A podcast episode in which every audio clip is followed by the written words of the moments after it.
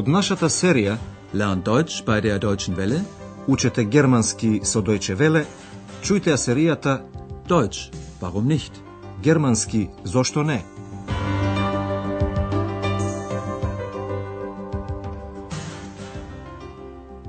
Liebe Hörerinnen und Hörer. Драги слушателки и слушатели, денеска ќе ја слушнете осмата емисија од серијата 4. Во минатата лекција Андреас и фрау Берга при прошетката во Потсдам се вратија со мислите во 18 и 19 век, во времето кога таму живееле луѓе од различни земји.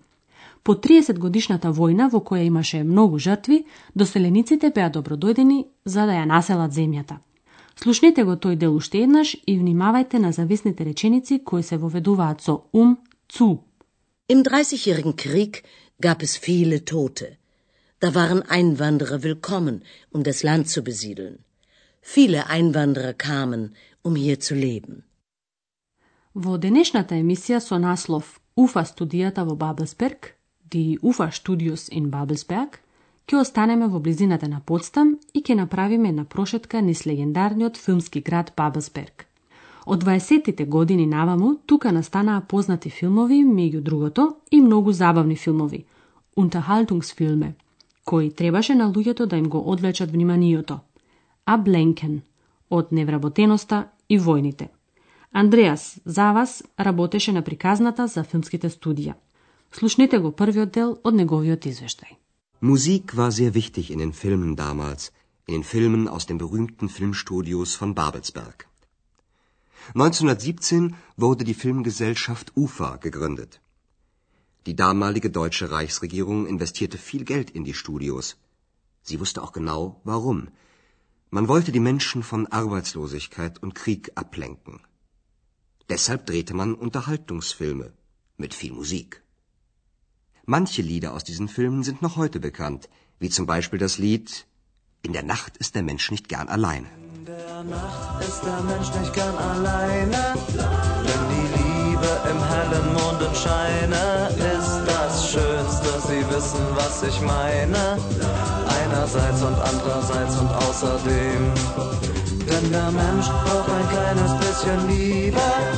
Gerade sie ist im großen Weltgetriebe für das Herz wohl der schönste aller Triebe. Aber man wollte damals noch mehr. Man wollte auch gute Filme machen, damit die deutsche Kultur im Ausland besser bekannt wurde. Und das gelang zum Beispiel Fritz Lang 1927 mit dem Film Metropolis. Песната човек ноќе не сака да биде сам, In der Nacht ist der Mensch nicht gern alleine, потекнува од еден филм снимен во 1944 година во студијата УФА. Андреас ја испитуваше историјата на филмските студија. УФА е кратенка од Универзум Филм АГ, значи спој на различни филмски студија. Андреас вели, во 1917 година беше основано филмското друштво УФА. 1917 wurde die Filmgesellschaft UFA gegründet. Иницијативата за основање на УФА потекнуваше од тогашната влада на Рајхот, Reichsregierung, која инвестираше многу пари во студијата. Die damalige deutsche Reichsregierung investierte viel Geld in die Studios. Една од причините беше да се одвлече вниманието од невработеноста, Arbeitslosigkeit и војната. Man wollte die Menschen von Arbeitslosigkeit und Krieg ablenken. Затоа на почетокот се снимаа забавни филмови во кои голема улога играше музиката. Deshalb drehte man Unterhaltungsfilme mit viel Musik.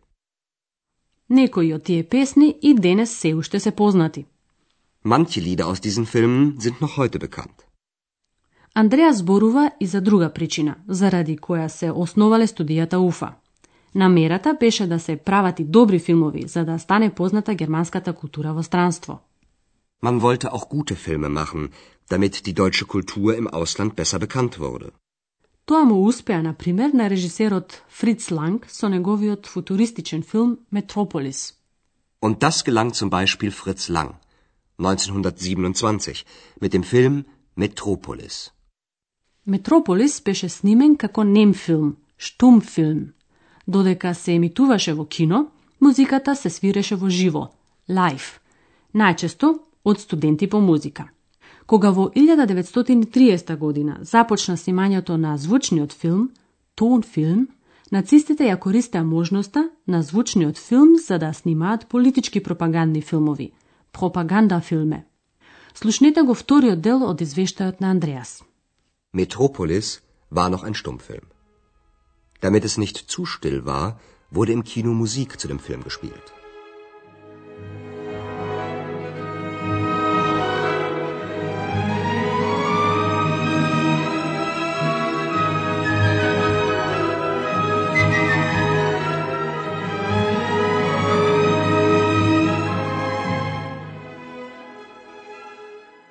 Ein Musiker aus der damaligen Zeit erzählt, Wir haben aber auch in Babelsberg Musik gemacht.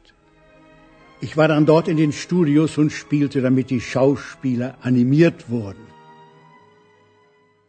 Schon drei Jahre später, 1930, war das nicht mehr nötig.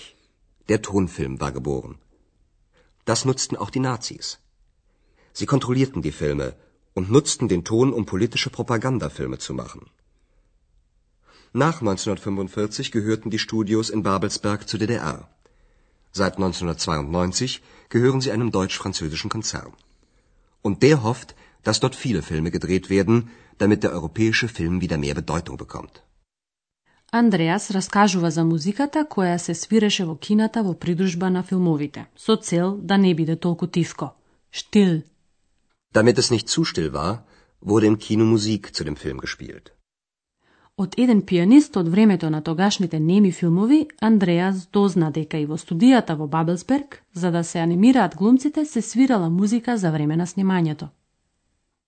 Wir haben aber auch in Babelsberg Musik gemacht. Ich war dann dort in den Studios und spielte, damit die Schauspieler animiert wurden. Само три години подоцна, во 1930 година, музичката придружба повеќе не беше потребна. Nötig. Тоа беше раѓањето на звучниот филм. Schon drei Jahre später, 1930, war das nicht mehr nötig. Der Tonfilm war geboren. Нацистите, односно национал-социјалистите, наскоро потоа започнале со контролирање на филмовите. И тие ја користеа можноста на звукот за своји цели. Тие ги контролираа филмовите и го користеа звукот за снимање политички пропагандни филмови. Sie kontrollierten die Filme und nutzten den Ton, um politische Propagandafilme zu machen. Уште на крајот од Втората светска војна во 1945 година, студијата беа затворени од страна на западните сили. На истото место, русите основаа исто здружение. Тие студија се наоѓаа во Источна Германија. Nach 1945 gehörten die Studios in Babelsberg zur DDR. По обединувањето на двете германски држави, студијата беа продадени на еден германско-француски концерн. Seit 1992 gehören sie einem deutsch-französischen Konzern. Овој концерн се надева дека во Бабелсберг повторно ќе се снимаат многу филмови, за да може европскиот филм да добие повторно поголемо значење. Bedeutung. Und der hofft, dass dort viele Filme gedreht werden, damit der europäische Film wieder mehr Bedeutung bekommt.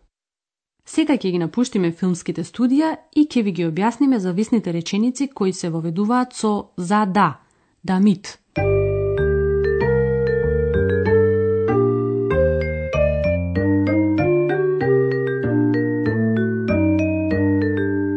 Зависните реченици кои искажуваат цел или намера може да се воведат со ум цу, само кога додатокот за номинатив, односно субјектот во главната и зависната реченица е идентичен.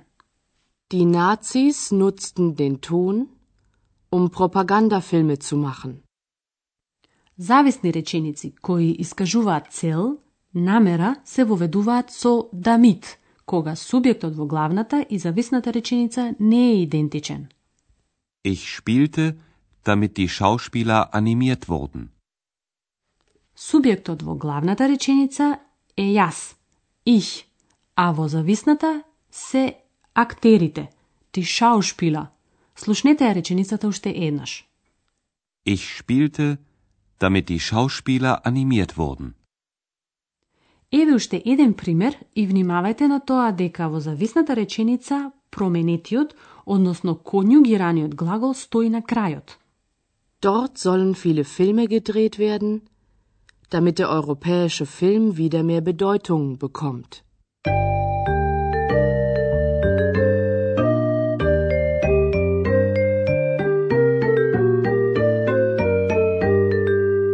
Слушнете го сега уште еднаш извештајот на Андреас. Седнете што е можно подобно и слушајте внимателно.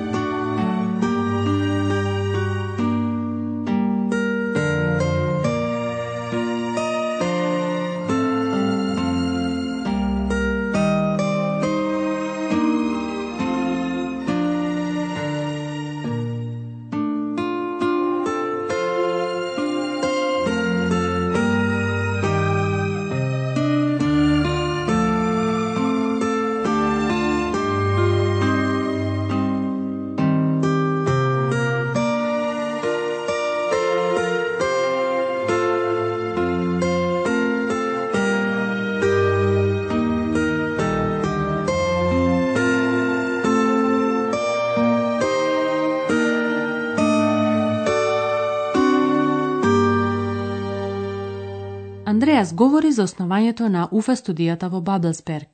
Musik war sehr wichtig in den Filmen damals, in den Filmen aus den berühmten Filmstudios von Babelsberg. 1917 wurde die Filmgesellschaft UFA gegründet.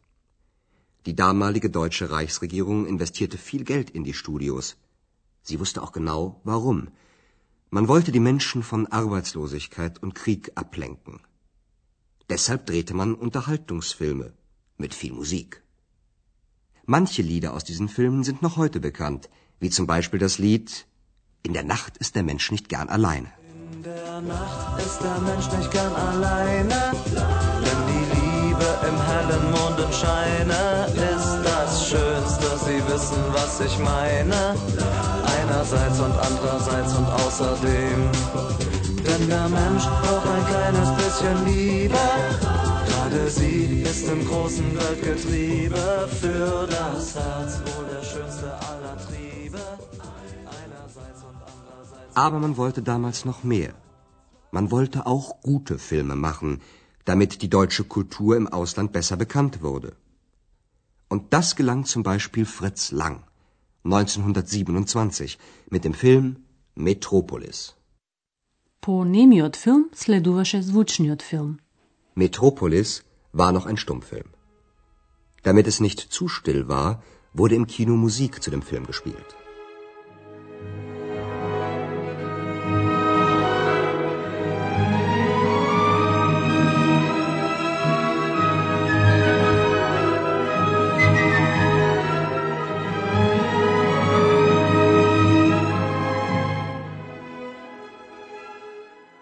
Ein Musiker aus der damaligen Zeit erzählt, Wir haben aber auch in Babelsberg Musik gemacht. Ich war dann dort in den Studios und spielte, damit die Schauspieler animiert wurden. Schon drei Jahre später, 1930, war das nicht mehr nötig. Der Tonfilm war geboren. Das nutzten auch die Nazis. Sie kontrollierten die Filme und nutzten den Ton, um politische Propagandafilme zu machen. Nach 1945 gehörten die Studios in Babelsberg zur DDR. Seit 1992 gehören sie einem deutsch-französischen Konzern. Und der hofft, dass dort viele Filme gedreht werden, damit der europäische Film wieder mehr Bedeutung bekommt. Тоа беше се за денеска. Во следната емисија ќе слушнете интервју со една жена која во селската едила на Бранденбург води посебен живот. До следниот пат, до слушање. Тоа беше германски «Зошто не?» Радиоговорен курс на Херат Мезе во продукција на Дојче Веле и на Гетовиот институт од Минхен.